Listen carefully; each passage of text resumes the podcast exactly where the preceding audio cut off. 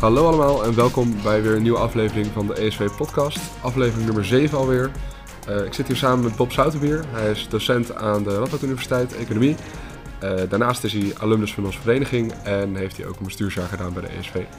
Uh, Bob, zou jij jezelf even voorstellen verder? Ja, dankjewel Rens, het leuk om hier te zijn. ja, mijn naam is dus Bob, Bob Zoutenbier. Ik ehm, ben hier junior docent sinds afgelopen zomer heb veel vakken in het eerste jaar. Veel eerste jaar zullen mij ook wel eens bij een werkgroep gezien of bij een hoorcollege gezien hebben. En uh, ja, bij de ESV ook gezeten. Dus uh, ik vind het leuk om hier te zijn. Ja, is er veel veranderd in de tijd dat je weg was bij de ESV? Uh, eh, nou ja, toen ik er in het begin zat, zaten we nog op het oude Thomas van Aquino-straat. En dat was wel een, een hele oude bende. En nu is alles wel gewoon wat netter en wat mooier hier in het EOS. En uh, ja, ook studenten zijn veranderd. Ze worden natuurlijk voor mij steeds jonger. Dus, uh, en ik heb er steeds meer afstand toe. En dat vind ik heel fijn. Maar dat is wel veranderd, ja. Ja, want je staat nu aan de andere kant dus natuurlijk. Vind, je dat, vind je dat gek nu? Vind ik dat gek om aan de andere kant te? Niet echt eigenlijk. Ik vind het eigenlijk wel, wel fijn. Ik denk dat ik ja, vrij makkelijk met studenten contact kan maken. Vanwege mijn leeftijd en vanwege mijn ervaringen ook. Ik zie ook denk ik vrij makkelijk als mensen brak zijn op een vrijdagochtend. En ja, daar doe ik dan wel altijd iets mee. Ik, ik zal ze niet moeilijk maken, maar ik, ik, ja, je weet het altijd wel als je bij mij dan zit. Um, maar daardoor heb je ook heel makkelijk contact met ze. Er zit niet echt een grote barrière tussen. En dat vind ik en hopelijk studenten ook wel fijn. Ja, dan kan je dus inderdaad makkelijk contact maken, makkelijker inspelen. Misschien ook meer aansluiting bij hun denkwijze. Uh, dat je daar uh, wat dichter op zit. Wel fijn, ja. Ja, en ook onderwerpen gebruiken die, waarvan ik denk dat studenten die nu wat interessanter vinden. Kijk, als je een voorbeelden uit de jaren 70 gebruikt. Dat zijn waarschijnlijk hele mooie voorbeelden. Maar toen was ik er ook nog niet, dus ik ken ze ook niet. Uh, maar als ik voorbeelden van afgelopen jaar gebruik, dan is dat denk ik voor mij veel leuker, maar ook voor studenten veel interessanter om naar te, naar te luisteren. En dan nog zijn er wel wat generatiedingetjes. Ja, ja uh, Dus ik kan er nooit helemaal op inspelen, maar ik denk wel dat ik er dichtbij genoeg sta. Ja, nou fijn, goed om te horen.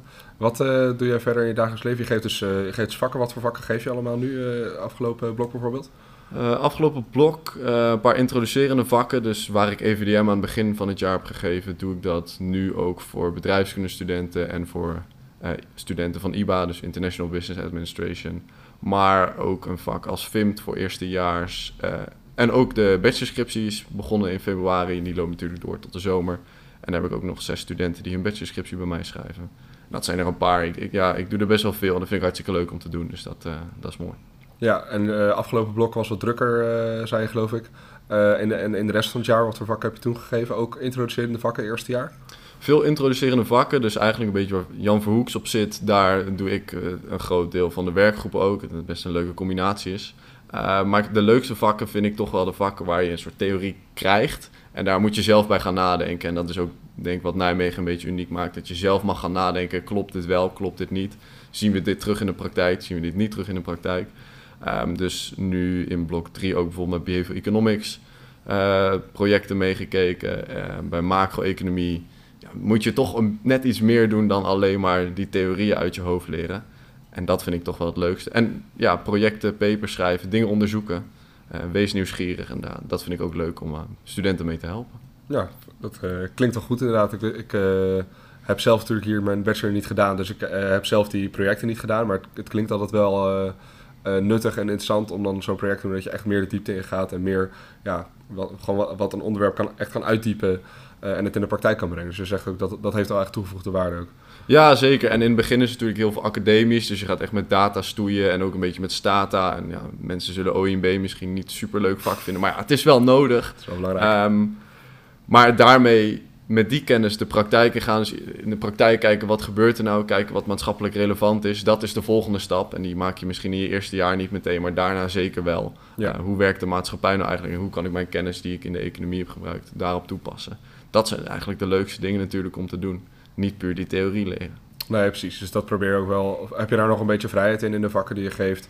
Um, om dan meer die, uh, die praktijk erin te brengen en min, iets minder die theorie? Wel redelijk, wel redelijk. We hebben natuurlijk vakken, zijn vaak opgedeeld waar ook een assignment bij zit. De studenten maken ergens in de week een assignment en die gaan we dan bespreken. Nou, die vragen gaan we gewoon bespreken. Vaak haal ik wel wat vragen eruit waarvan ik denk, dit zijn de belangrijkste, die gaan we dan ook bespreken. En probeer ik wel te kijken, hey, hoe kunnen we dit verder pakken? Uh, zo heb ik één keer hadden we een hoorcollege over GDP en waarom dat, dat misschien wel een goede of slechte maatstaf is. nou, Sharon van Krevel die heeft daar superveel onderzoek naar gedaan. Maar ik wil de studenten ook zelf laten nadenken. Dus ik heb ja, eigenlijk de helft van die assignment geskipt en gezegd: hey, we gaan gewoon de helft van de tijd. Gaan, jullie maar eens bedenken, wat zouden we mee moeten nemen in GDP? Is dat wat nu is alle handel die we hebben? Ehm, of zijn dat ook andere dingen? En daar kwamen dan best wel leuke discussies uit. En dat is natuurlijk geen tentamenstof. Alleen, ja, het is ook allemaal niet tentamenstof. Je, je leert hier om iets te leren, om iets toe te passen. En je leert hier niet om iets, een rijtje uit je boek te bestuderen en dat dan op je tentamen te herkouwen. Ja, precies. Het is echt uh, breder kijken dan alleen... Uh, ja, je moet natuurlijk wel een tentamen maken, maar je zit op de universiteit voor meerdere tentamens. En dus ook dan echt mensen meer zelf laten nadenken, dat proberen we echt erin te brengen. Ja, ja. en ook bij een vak als institutioneel, uh, in tweede blok, tweedejaarsvak... Ja, dat is ook gewoon een meningvak. En het tentamen is daar ook best wel prima gemaakt, omdat ja, de rijtjes en de, de theorieën zijn daar niet super moeilijk Um, maar juist dat die, die mening eromheen vormen en je kunnen inleven ook vooral in andere mensen die misschien een andere zienswijze hebben en die maken ook onderdeel van jouw economie uit of van jouw maatschappij uit. Ja. Um, dat is leuk om te doen. Daar, daar ga je ook uiteindelijk wat mee doen en dat probeer ik ze dan wel mee te geven. En gelukkig krijg je dat ook terug in de evaluaties. Uh, van hé, hey, dat extra beetje om terug te kijken op de maatschappij, om het echt toe te passen. Um, dat komt ook al naar voren. Dus dat is fijn dat studenten dat ook fijn vinden ja, je leidt eigenlijk uh, de studenten op tot uh, allround economen, maar ook een beetje betere burgers die wat meer uh, dingen van verschillende kanten proberen te bekijken en, en zo completere mening te vormen. Ja, ja economie is eigenlijk ook gewoon een beetje een maatschappijleer of een psychologie waar geld naar voren komt. Zeg maar, we maken allemaal keuzes en we moeten het allemaal doen met de mensen om ons heen. Um, alleen de economie zet daar dan een eurotekentje voor of een dollartekentje voor en heel veel meer is het eigenlijk niet. Dus probeer ik dat ook duidelijk te maken. Van hey, het gaat niet alleen maar over rentes of valuta of winst maken. Het gaat ook over ja, de interactie die je met elkaar hebt. Als, als, als wij misschien willen handelen en jij hebt een heel mooi product en ik kan dat van jou kopen.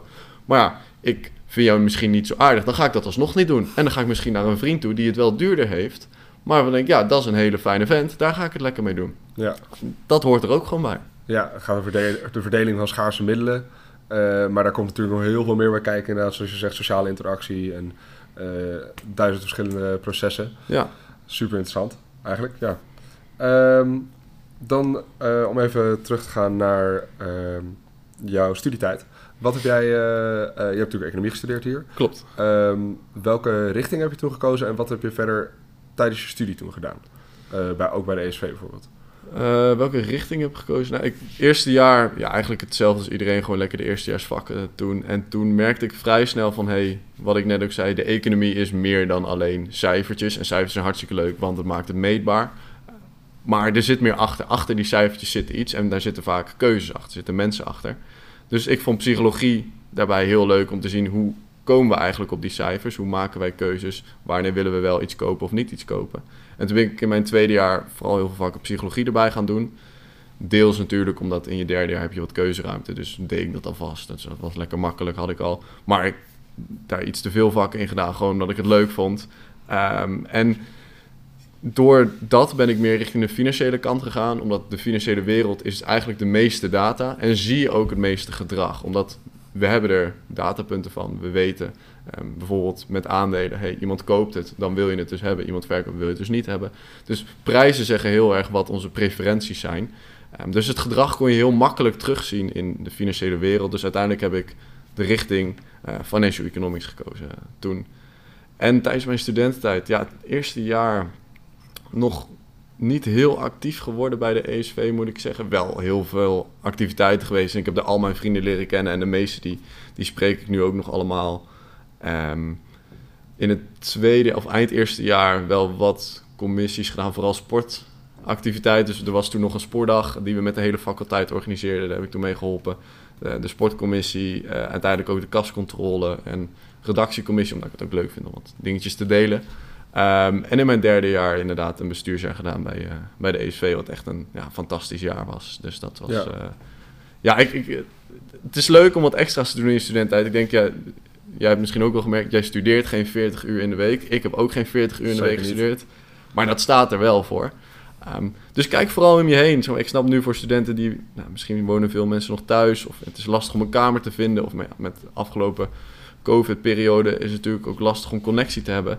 Maar de, tijdens je studenten heb je zoveel mogelijkheden van dingen om jezelf te ontwikkelen. Om dingen te doen die je leuk vindt bij een sportvereniging of bij een studievereniging, maar ook bij een studentenvereniging of ehm, iets cultureels, een theater of een zanggroep of iets, iets totaal anders, een buitenlandervaring. Maar die mogelijkheid heb je, omdat ja, je bent student, je hoeft nog niet zoveel. En die 40 uur, die ga je niet halen. Nee. Ja, je moet je best doen om die 40 uur per week echt wekelijks te halen. Dus ehm, dat was ook mijn zienswijze doen. Ga lekker zoveel mogelijk doen wat je leuk vindt. En dat heb ik ook gedaan. Nou, dan...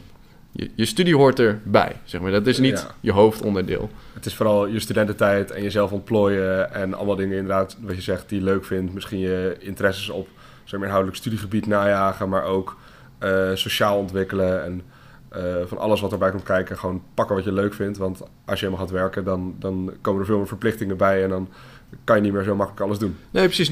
Eén, nu kan het inderdaad, want nu heb je geen, niet zoveel verplichtingen. Tuurlijk heb je wat verplichtingen.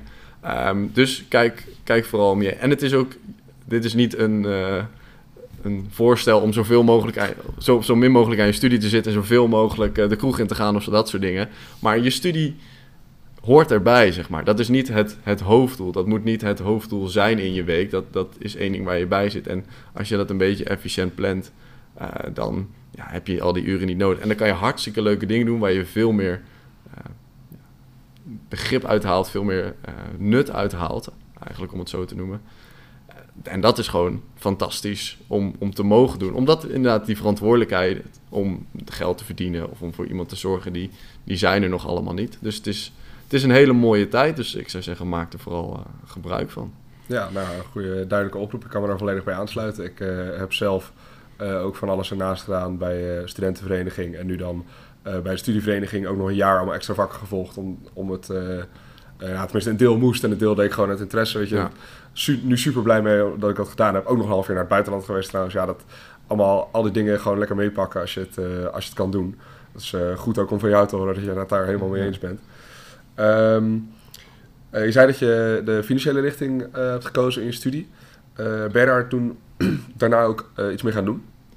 Ehm, ja, eigenlijk in het begin wel. Ik heb eerst eh, in mijn vierde bachelorjaar heb ik stage gelopen. Dat was ook een van de dingen die ik inderdaad wilde. Omdat ik denk dat op de universiteit je leert heel veel kennis, heel veel theorie. En dat leer je deels toepassen. Maar dat wordt getest op assignments, op een paper of op een tentamen.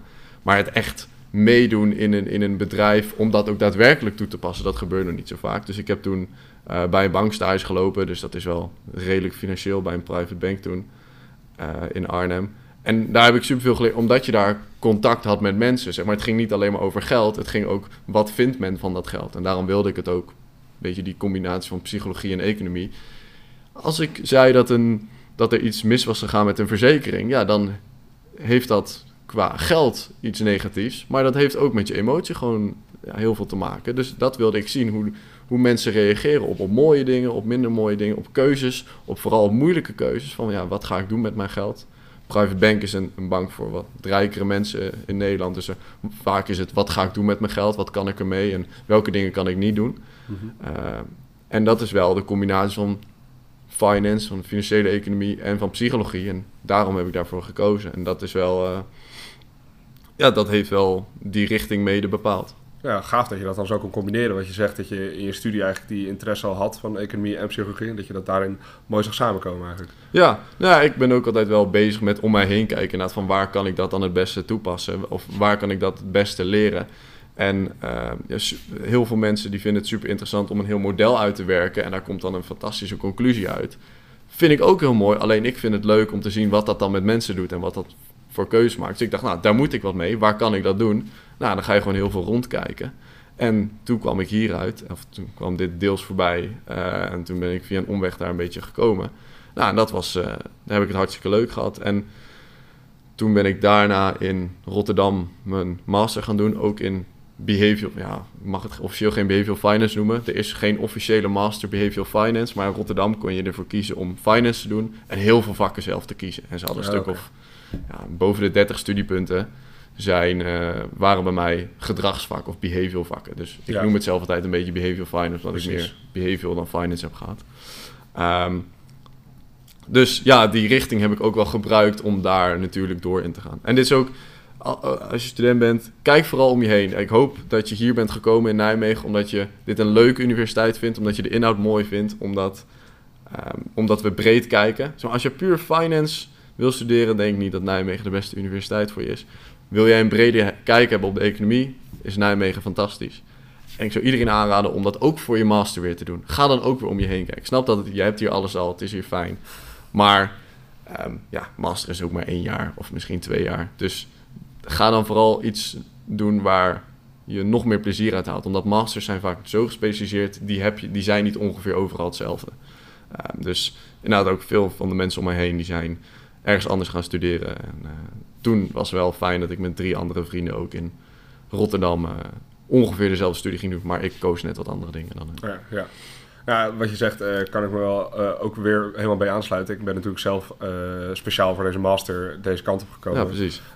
omdat dit een redelijk toegespitste master is, ook samen met politicologie. dat is dan erg leuk om, om, om, hier te kunnen doen. En dat kan je inderdaad niet in, in Tilburg doen, waar ik eerst zat. Dus wat je zegt, nou, het klopt helemaal inderdaad dat je in Nijmegen dit soort leuke, leuke dingen kan doen. En, en bij andere universiteiten weer hele andere gespecialiseerde masters. Dus inderdaad in Rotterdam veel meer met finance. Uh, en, in, en in, Tilburg volgens mij veel meer met accounting ook. Zeker, als de, ja. als dat is dan weer bedrijfseconomie, dus een andere studie. Maar um, ja, wel leuk dat je, uh, dat je daar dan in, in, in Rotterdam ook het helemaal zelf kon invullen en echt die gedragseconomie kant uh, kan doen. Ja, precies. En je zei ook dat je nu het vak op behavioral economics ook geeft, toch? Ja, ja, en dat was in het begin stond dat eigenlijk niet op mijn, mijn takenpakket, zeg maar. Alleen er dat is mooi om te zien. Er was zoveel interesse vanuit studenten om behavioral economics en behavioral finance, twee losse vakken, te doen. Um, dat ik kon zeggen van, hé, hey, ik kan hier nog wel helpen, want dit is gewoon, uh, ja, dit gaat anders niet lukken met de docenten die we hebben. En voor mij sloot dat natuurlijk perfect aan, dus ik vond het uh, hartstikke leuk om dat nu te doen. En studenten hebben nu net hun paper ingeleverd, tentamen is voorbij. Um, ik geloof dat, ja, nu dit wordt opgenomen, ook twee dagen geleden, de cijfers online zijn gekomen, dus dat zag ook oké okay uit. Dus, dus je hebt goed je best gedaan. Ja, vooral, nou, vooral studenten hebben hun best gedaan. Ik, ik, ik ondersteun, ik help. Je hebt de kennis goed overgebracht. Ja, nou, dat is ook misschien ook wel een beetje de misconceptie van docenten hier. Zeg maar, de verantwoordelijkheid ligt bij studenten. Studenten, net als met je studentenleven en alles wat je eromheen doet, de verantwoordelijkheid ligt bij een student. Doe vooral wat je wil. Als je iets niet wil doen, maakt mij ook niet uit. Als je iets wel wil doen, vind ik mooi om te zien. En ik help je erin. Ik, ik probeer je beter te maken. Ik probeer je een beetje te triggeren om net iets verder te denken. Ik probeer je te triggeren om met anderen te overleggen, te discussiëren. Om echt die andere meningen er ook uit te krijgen. Um, maar als jij iets goed doet, dan komt dat niet door mij, dan komt dat door jezelf. Als je het niet haalt, vind ik ook, dan komt het ook niet door mij, dan komt het ook door jezelf. Um, en natuurlijk is er altijd een beetje discussie over. Maar de verantwoordelijkheid ligt bij jou. Dus doe het vooral. Ik ben er om te helpen. Elke andere docent is er ook om jou te helpen. En ik zou ook vooral zeggen, maak er gebruik van. Stel vragen in werkgroepen. Kom een keer uh, in een pauze langs. Allemaal prima, vinden we hartstikke leuk. Um, gebruik die mogelijkheid, want je bent er toch. Ja, ja, ja. Um, je hebt toen uh, dus in Rotterdam je master gedaan. Uh, en daarna ben je gaan werken. Wat, wat ben je toen gaan doen? Ja, ik heb mijn master afgerond, wat is het nu? Ja, 2,5, 3 jaar geleden. En toen ben ik bij diezelfde private bank gaan werken waar ik stage had gelopen. Alleen dat heb ik toen in Amsterdam gedaan. Dus niet meer in Arnhem, maar in Amsterdam. Dus ik woon in Rotterdam en ik werkte in Amsterdam. Die private bank is best wel prima. Mm -hmm. um, net bij een iets hogere afdeling. Dus dat was ook de private bank. Alleen segmenteerden we daar in de wat nog rijkere, zeg maar, in, in Nederland. Uh, en daar ben ik toen junior beleggingsadviseur geworden. Dus keek ik niet meer over het gehele plaatje, maar eigenlijk puur en alleen op de beleggingen, hoe we die ja, zo groot mogelijk ja, konden maken. En ook zo, dat was ook wel, we wilden niet alleen maar winst maken, het moest ook bij mensen passen. Zeg maar, sommige mensen ja, kunnen allemaal om ons heen kijken. De een is wat risicovoller dan de andere. Dus voor de een beleggen we ook wat risicovoller of geven wat risicovoller advies. En bij sommigen zeggen we nee, dit is, wij denken dat het niet iets voor jou is. Um, dat kan je doen als je risicovol wil beleggen, maar als het iets veiliger is, dan kan je beter dit doen. En ja. dat, uh, dat heb ik daarna gedaan. Dus dat ook was wel puur in de richting van finance natuurlijk. Maar weer het gesprek aangaan met mensen, weten wat het echt voelt. En soms dacht ik, hé, hey, ja, dit, je hebt een heel mooi portfolio en er zit nog uh, ja, net te weinig IT in. Dan gooien we nog een IT-bedrijf erin. Maar ja, als die, dan die persoon eigenlijk helemaal niks met IT heeft, ja, dan... En er misschien dus weinig vertrouwen in heeft of zo, dat dat, dat niet goed voelt. Precies. Dan, dan haal je dat eruit. Dan kan ik alsnog wel met allemaal leuke, rationele ideeën komen. Maar als dat dan niet fijn voelt bij iemand, ja, dan gaan we dat ook niet doen. En zo probeerden we eigenlijk ook wel uh, ja, de ene klant dan een, een ander uh, product aan te bevelen, omdat, dat, omdat wij dachten, of omdat ik dacht dat dat beter paste mm -hmm. dan bij andere klanten. Terwijl, ja, sommige producten zijn gewoon net iets beter dan Alleen het moet ook gewoon goed voelen, moet ook gewoon goed zijn. En ja, dat is ook wel leuk om te doen. Dus per klant kon je een portefeuille opbouwen, kon je een portfolio maken. Ook wel grappig wat je zegt van... Uh, bij finance gaat het heel vaak om heel veel cijfertjes, heel veel datapunten. Je hebt natuurlijk uit, uit uh, aandelen komen natuurlijk heel veel datapunten altijd. Uh, dus daar kan je super wiskundig naar kijken. En dus de studies zijn ook vaak heel wiskundig finance. Maar eigenlijk wat je zegt, komt er ook weer een heel groot sociaal aspect bij kijken. En heel erg gewoon met mensen werken en kijken wat er bij hun past. En zit dat er veel meer in. Zeker. Dus is dat dan ook een soort van verkeer, verkeerd beeld wat de studie vaak schept, denk jij, als je, als je echt in de finance gaat werken op deze manier? Uh, nou, dat denk ik niet per se. Je kan natuurlijk op heel verschillende manieren beleggen. Ik heb ook uh, wat vrienden die zitten bij een pensioenfonds of verzekeringsmaatschappij. Dan beleg je natuurlijk gewoon een som met geld en dan moet je zoveel mogelijk rendement halen voor het minste risico. En ja, dan heb je vrije keuze, want je moet gewoon, dat is gewoon je enige doel.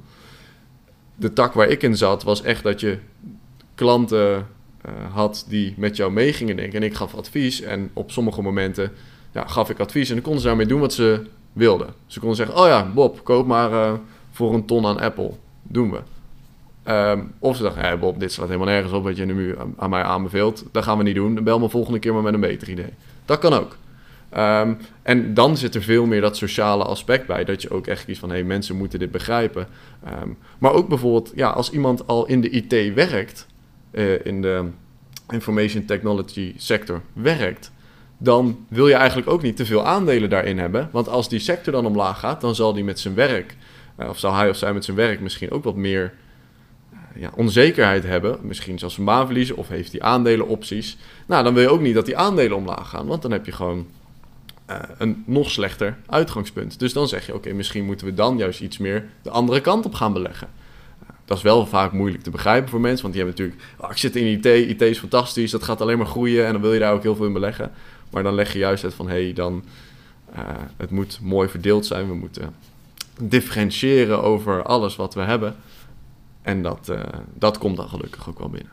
Ja. Uh, daarna, uh, na je, werk bij de Private Bank, ben je naar de universiteit gegaan. Jij dacht gewoon, ik, het is weer tijd voor een nieuwe uitdaging en ik ga weer terug naar de universiteit? Of? Ja, niet helemaal, maar wel een beetje hoor. Het, uh, ik, ik zat daar prima op mijn plek. Ik heb daar heel veel geleerd en vooral dat met contact. En het zijn ik had super aardige collega's. Ik had hartstikke leuke klanten die allemaal heel interessant waren. Um, alleen um, eind van de dag moest ik er wel voor zorgen dat de rijkste mensen uit ons land ietsje rijker waren. Ik moest, ik moest beleggen, uh, of ik moest advies geven over wat zijn de beste beleggingen. En dan moesten ze natuurlijk aan het eind van het jaar moest dat wel meer zijn. Als het minder was, dan had ik niet goed mijn best gedaan. Of had ik iets niet, niet goed gedaan. Um, en dat ging wel ja, een beetje pijn doen van binnen, zeg maar. Dat, het, dat, ja, dat je toch helpt om de rijkste mensen nog rijker te maken. Uh, en ik vind het altijd hartstikke leuk om mensen te helpen en om ze de goede keuze te maken. Maar ik denk dat deze mensen uh, het al hartstikke goed zelf kunnen. En dan wil ik liever andere mensen helpen. En dat zijn onder andere, of een van de groepen waar ik naar keek, waren inderdaad studenten. En ik heb me toen ook al bezig gehouden met duurzaam beleggen, dus in duurzamere aandelen. Ook een beetje impact beleggen. En dat is, dan ga je geld uitlenen aan goede doelen.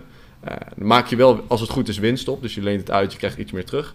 Uh, maar dat is ook natuurlijk al iets beter dan investeren gewoon in willekeurig in Apple, Microsoft, Shell, uh, noem maar wat. Of in de wapenhandel. Precies. Nou, die sloten, wij, maar niet, die sloten wij gelukkig al uit. Oh, nicotine, ja, okay. wapenhandel en nog wat dingen. Die, daar mochten we sowieso al niet in. Um, dus ik focuste me al wel een beetje op ja, wat voor mij dan voelde als de goede richting. Of, en dat vond ik dan ook leuk om dat uit te zoeken. En daar was ook nog niet alle informatie was erover. Um, maar toch voelde het niet goed.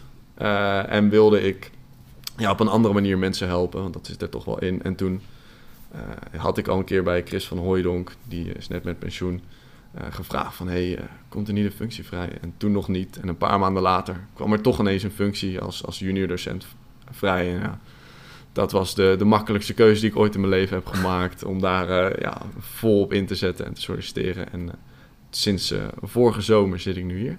Ja, dus je zit helemaal op je plek eigenlijk hier. Ik zit heel, ja, echt perfect. Ik zit echt, ik, ik, geniet ervan om met studenten een beetje te discussiëren en ook soms te triggeren. En soms ook gewoon te zeggen van, ehm, ja, maar hoe denk je hierover? En dan is het niet mijn mening, maar dan denk ik, ja, dit kan iemand zijn mening zijn. Hoe denk jij daar dan over? Dus echt mensen nalaten, of studenten laten nadenken hoe dat in een context is. Want die theorie zelf, ja, dat is vaak niet, niet zo heel veel. En dat vind ik leuk. Ja, en de, de vrijheid die ik hier heb.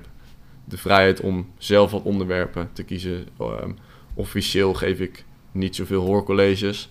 Uh, maar kan ik zelf kiezen of aangeven welke hoorcollege ik leuk vind. En dan, dan wordt daar wel in meegekeken. Dus ik heb fijne collega's uh, en mensen om me heen die, dat, ja, die me daar ook uh, in ondersteunen. Dus dat vind ik hartstikke leuk om te doen. Ja, dus jij zit hier nog wel even op de universiteit als het in jou ligt. Ik, ja, ik zit hier heel goed. Leuk, goed om te horen. Um, je vertelde al dat je bachelor scriptanten begeleidt. een aantal dit jaar. en veel daarvan doen iets met altruïsme. Uh, dat vertelde je aan mij. Uh, wat, uh, kun je uitleggen wat, dat, wat het inhoudt? Wat, wat is altruïsme? Ja, ik bedoel, mensen kennen het woord, maar wat houdt het in in deze context? Ja. ja, ik heb dus inderdaad studenten die een bachelorschrift schrijven over altruïsme. En altruïsme in de puurste vorm is dat iemand iets doet zonder daar zelf beter van te worden. Dus eigenlijk geef je tijd of geld of je offert iets anders op en je wordt er zelf niet beter van. En dat kan eigenlijk niet in de economie, want in de, economie, volledige perfecte economie doe jij alleen iets als het voor jezelf beter is. Nou, dat is hier niet. En in de puurste vorm doe jij gewoon iets waar iemand anders beter van wordt en jijzelf helemaal niet. Um, nou, en, het beste voorbeeld zijn natuurlijk goede doelen. Dat noemen we ook wel filantropische instellingen of uh, caritatieve instellingen. Maar instellingen die iets doen voor de maatschappij. En, en vaak zie je dat dat dus gaat over doneren. Uh, dus mijn mijn, ik mag mijn studenten zeggen, maar ik noem, het toch een beetje mijn studenten. Uh, die onderzoeken allemaal een manier hoe je donaties omhoog kan krijgen. Dus welke factoren hebben nou invloed op die donaties? En ja, ik kan hier niet alles vertellen, omdat ik weet dat hun uh, surveys nog uitstaan. Dus misschien verklap ik dan dingen. Maar er zitten hele interessante dingen uh, tussen, van, van groepsdruk tot um, hoeveel informatie je hebt over degene die het geld ontvangt. Um, maar dat vind ik leuk, dat, je, dat er inderdaad dus dingen zijn in de economie die eigenlijk niet per se te verklaren zijn op een economische manier, maar op een psychologische manier wel. Het is natuurlijk heel logisch dat, ja, jij hebt denk ik ook wel eens geld gedoneerd. Ja, dat doen we, doen heel veel mensen. Dat is een vrij logisch gevolg van dat wij ja, iets bij willen dragen, dat wij iets dat wij mensen willen helpen. En misschien is het dan ook wel geen puur altruïsme. Nee, want, je doet het ook vaak gewoon omdat je er goed over gaat voelen. Precies, als er een collectant bij jou langskomt en je geeft die een paar euro, dan voel je er zelf ook goed bij. Dus het is geen puur altruïsme, maar ja, wat maakt het uit? Want je geeft toch geld aan een goed doel. Dus uh, ja, het is, het is, juist mooi om, uh, om het ook zo te zien. Dus nee, ik heb een leuke groep en uh, ze hebben, vind ik, allemaal een leuk onderwerp gevonden en uh, zijn nu hard bezig met, met de resultaten verzamelen, maken en uh, over een paar weken mogen ze dat presenteren aan elkaar. Ja, leuk. Uh, ik heb volgens mij ook wel eens gehoord, volgens mij heb ik het zelf een keer in mijn studie langs zien komen, dat je uh, als je een reclame ziet van een, van een goed doel, waarin heel veel cijfers worden verteld, bijvoorbeeld zoveel mensen in Afrika lijden aan honger of whatever. Um, en je zet dat af tegen een, de, zeg maar, de inkomsten die er komen uit een plaatje of een filmpje waarin gewoon van één iemand een verhaal wordt verteld, dat gewoon persoonlijk is, dat daar dan ook alweer uh, dat, dat daar heel veel heel anders wordt uh, op in wordt gegaan. Dat dan mensen veel meer geven omdat het een persoonlijk verhaal is, toch? Zeker, zeker. En dit is een van de meest onlogische dingen die er natuurlijk is. Van eigenlijk zou je, hey, met, met dit bedrag kan je zoveel mogelijk mensen helpen. Deze data is er. Dus daar kan je zoveel mogelijk mensen mee helpen. Dat is beter. Terwijl als je een verhaal hoort van één iemand Um, ja, en je kan maar één iemand helpen, dan is dat eigenlijk gewoon minder goed. Want je ja. hebt minder mensen. Alleen je hoort er dan vaak een naam bij en je ziet een foto. En die foto is ook altijd een beetje zielig. Um, ja, en die combinatie ervan, dat maakt het minder rationeel. Maar ook wel heel logisch, want doneren is ook gewoon iets wat je op gevoel doet. Is ook gewoon iets wat je uh, met je emotie doet. Dat maakt ons ook menselijk. Dus ja, spelen mensen of spelen uh, filantropische instellingen natuurlijk ook in op die emotie. Het is alleen maar emotie. Het gaat niet puur en alleen over dat geld. Ja, precies. Nou, dan zijn we eigenlijk weer terug waar we eh, begonnen. Dat, dat je economie in een bredere context uh, Zeker, plaatsen. ja. Um, je hebt ook uh, sinds een paar jaar wordt het steeds populairder een, een trend genaamd effectief altruïsme. Uh, daar ben je zelf ook wel geïnteresseerd in, volgens mij, vertel je. Wat, wat houdt dat in en wat zou jij daar zelf ook iets mee willen doen? Ja, effectief altruïsme, ik, ik, doe het een beetje meer als hobby of ik lees me er zelf in, in als hobby. Altruïsme hadden we net inderdaad al, dat is iets doen voor een ander zonder dat je er zelf beter van wordt. Het effectieve deel slaat erop dat je het ook nog eens efficiënt gaat doen of effectief gaat doen. Dat elke euro die je uitgeeft ook eigenlijk op de beste plek terechtkomt. Dus met jouw euro kan jij, waar we het net een beetje over hadden, de meeste levens redden. Of de, uh, het meeste eten geven aan bepaalde mensen. Of de meeste medicijnen geven aan mensen. Dus met jouw geld bereik je heel veel. Um, en ook daar weer, er is altijd bij alles een extreme vorm. Effectief altruïsme, de meest extreme vorm. Mensen die dat volledig volgen. Wat die doen, ik zou niet heel veel mensen aanraden, maar is werk kiezen waar jij zoveel mogelijk kan verdienen. En daarvan zoveel mogelijk doneren. En dat dan ook nog eens aan een goed doel geven wat heel efficiënt is. Dus eigenlijk zijn er twee dingen. Zoveel mogelijk verdienen en zoveel mogelijk doneren. En aan de andere kant het ook nog op een, uh, aan een goed doel geven wat het, ja, het beste met dat geld voor heeft. En tegenwoordig zie je dat dat meer richting de uh, malaria-preventie of medicijnen of uh, vaccins gaat. Um, omdat dat zijn vaak kinderen, dus er zijn veel levensjaren te redden. Een, een leven is natuurlijk ja, heel filosofisch, maar een, een, leven is misschien van één iemand wat meer waard dan een ander. Maar ik denk dat we allemaal kunnen zeggen van een kind is het wel heel veel waard, omdat er nog heel veel levensjaren nakomen. Um, en malaria is vrij makkelijk tegen te gaan. Als je mensen wat netten geeft of vaccineert of medicijnen geeft, dan gaan ze er eigenlijk niet meer dood aan. Dus dat is de, uh, tot nu toe de meest makkelijke manier om dat te doen. Uh, ander voorbeeld is dat, wil je nou armoede bestrijden? Heel simpel, geef mensen geld. Ga geen hele projecten opzetten, ga ze niet onderwijzen in dit moet je doen of hoe moet je een onderneming starten. Geef ze gewoon geld en meestal zoeken ze het zelf uit. Tuurlijk, het is niet perfect, maar het is stukken goedkoper dan dat ik een heel project ga verzinnen over hoe zij hun geld moeten uitgeven. Terwijl ik, ik ben hun niet, ik kan me niet volledig in hun verplaatsen. Dus dat kunnen ze zelf waarschijnlijk beter. Oké, dus je zegt uh, het is dan efficiënter om het geld gewoon uit te geven aan geld, zodat zij misschien af zijn van hun geldzorgen en daardoor makkelijker uh, andere dingen op kunnen pakken, dus, dus makkelijker werk kunnen zoeken en daardoor ook weer hun eigen geld gaan verdienen, dan dat je een heel project opzet met hoe kan jij je eigen onderneming starten en hoe kan je, hoe kan je geld gaan verdienen. Ja, ja dat je, dat, je krijgt een som met geld en je gaat dan denken, oké, nu, nu ben ik wat vrijer. Zo, ja. Ik ben gelukkig redelijk vrij in de keuzes die je kan maken. Maar heel veel mensen, ook in Nederland, hebben dat niet. Ja, dat zorgt voor heel veel stress. Dat, dan ga je geen risico's nemen. Dan ga je misschien, uh, ja, dan ga je toch die studie afronden. Want dan weet je ieder geval zeker dat je een baan kan krijgen. Maar dan ga je zeker niet ondernemen. Um, maar geef mensen geld, dan zijn ze vrij in hun keuzes. Dan kunnen ze betere keuzes maken. En meestal zijn die keuzes ook beter. Niet altijd, maar voor dat bedrag ga jij het niet beter doen. Nee, precies. En volgens mij is het ook zo dat mensen in uh, geld zorgen als je ze een IQ-test geeft, dat ze lager scoren op een IQ-test uh, wanneer ze wel geldzorgen hebben dan als ze die geldzorgen niet hebben. Dus in dat opzicht is het ook makkelijk te verklaren dat ze dan inderdaad snel betere keuzes maken als ze wel het geld hebben en dat, er dan, uh, dat ze uiteindelijk uh, wel een betere baan kunnen vinden of uiteindelijk meer verdienen zodat ze hun eigen leven kunnen voorzien. Nou, dit klopt helemaal. En het, vroeger was inderdaad het idee, hey, mensen in geldzorgen zijn minder slim, dus die scoren lager op een IQ-test.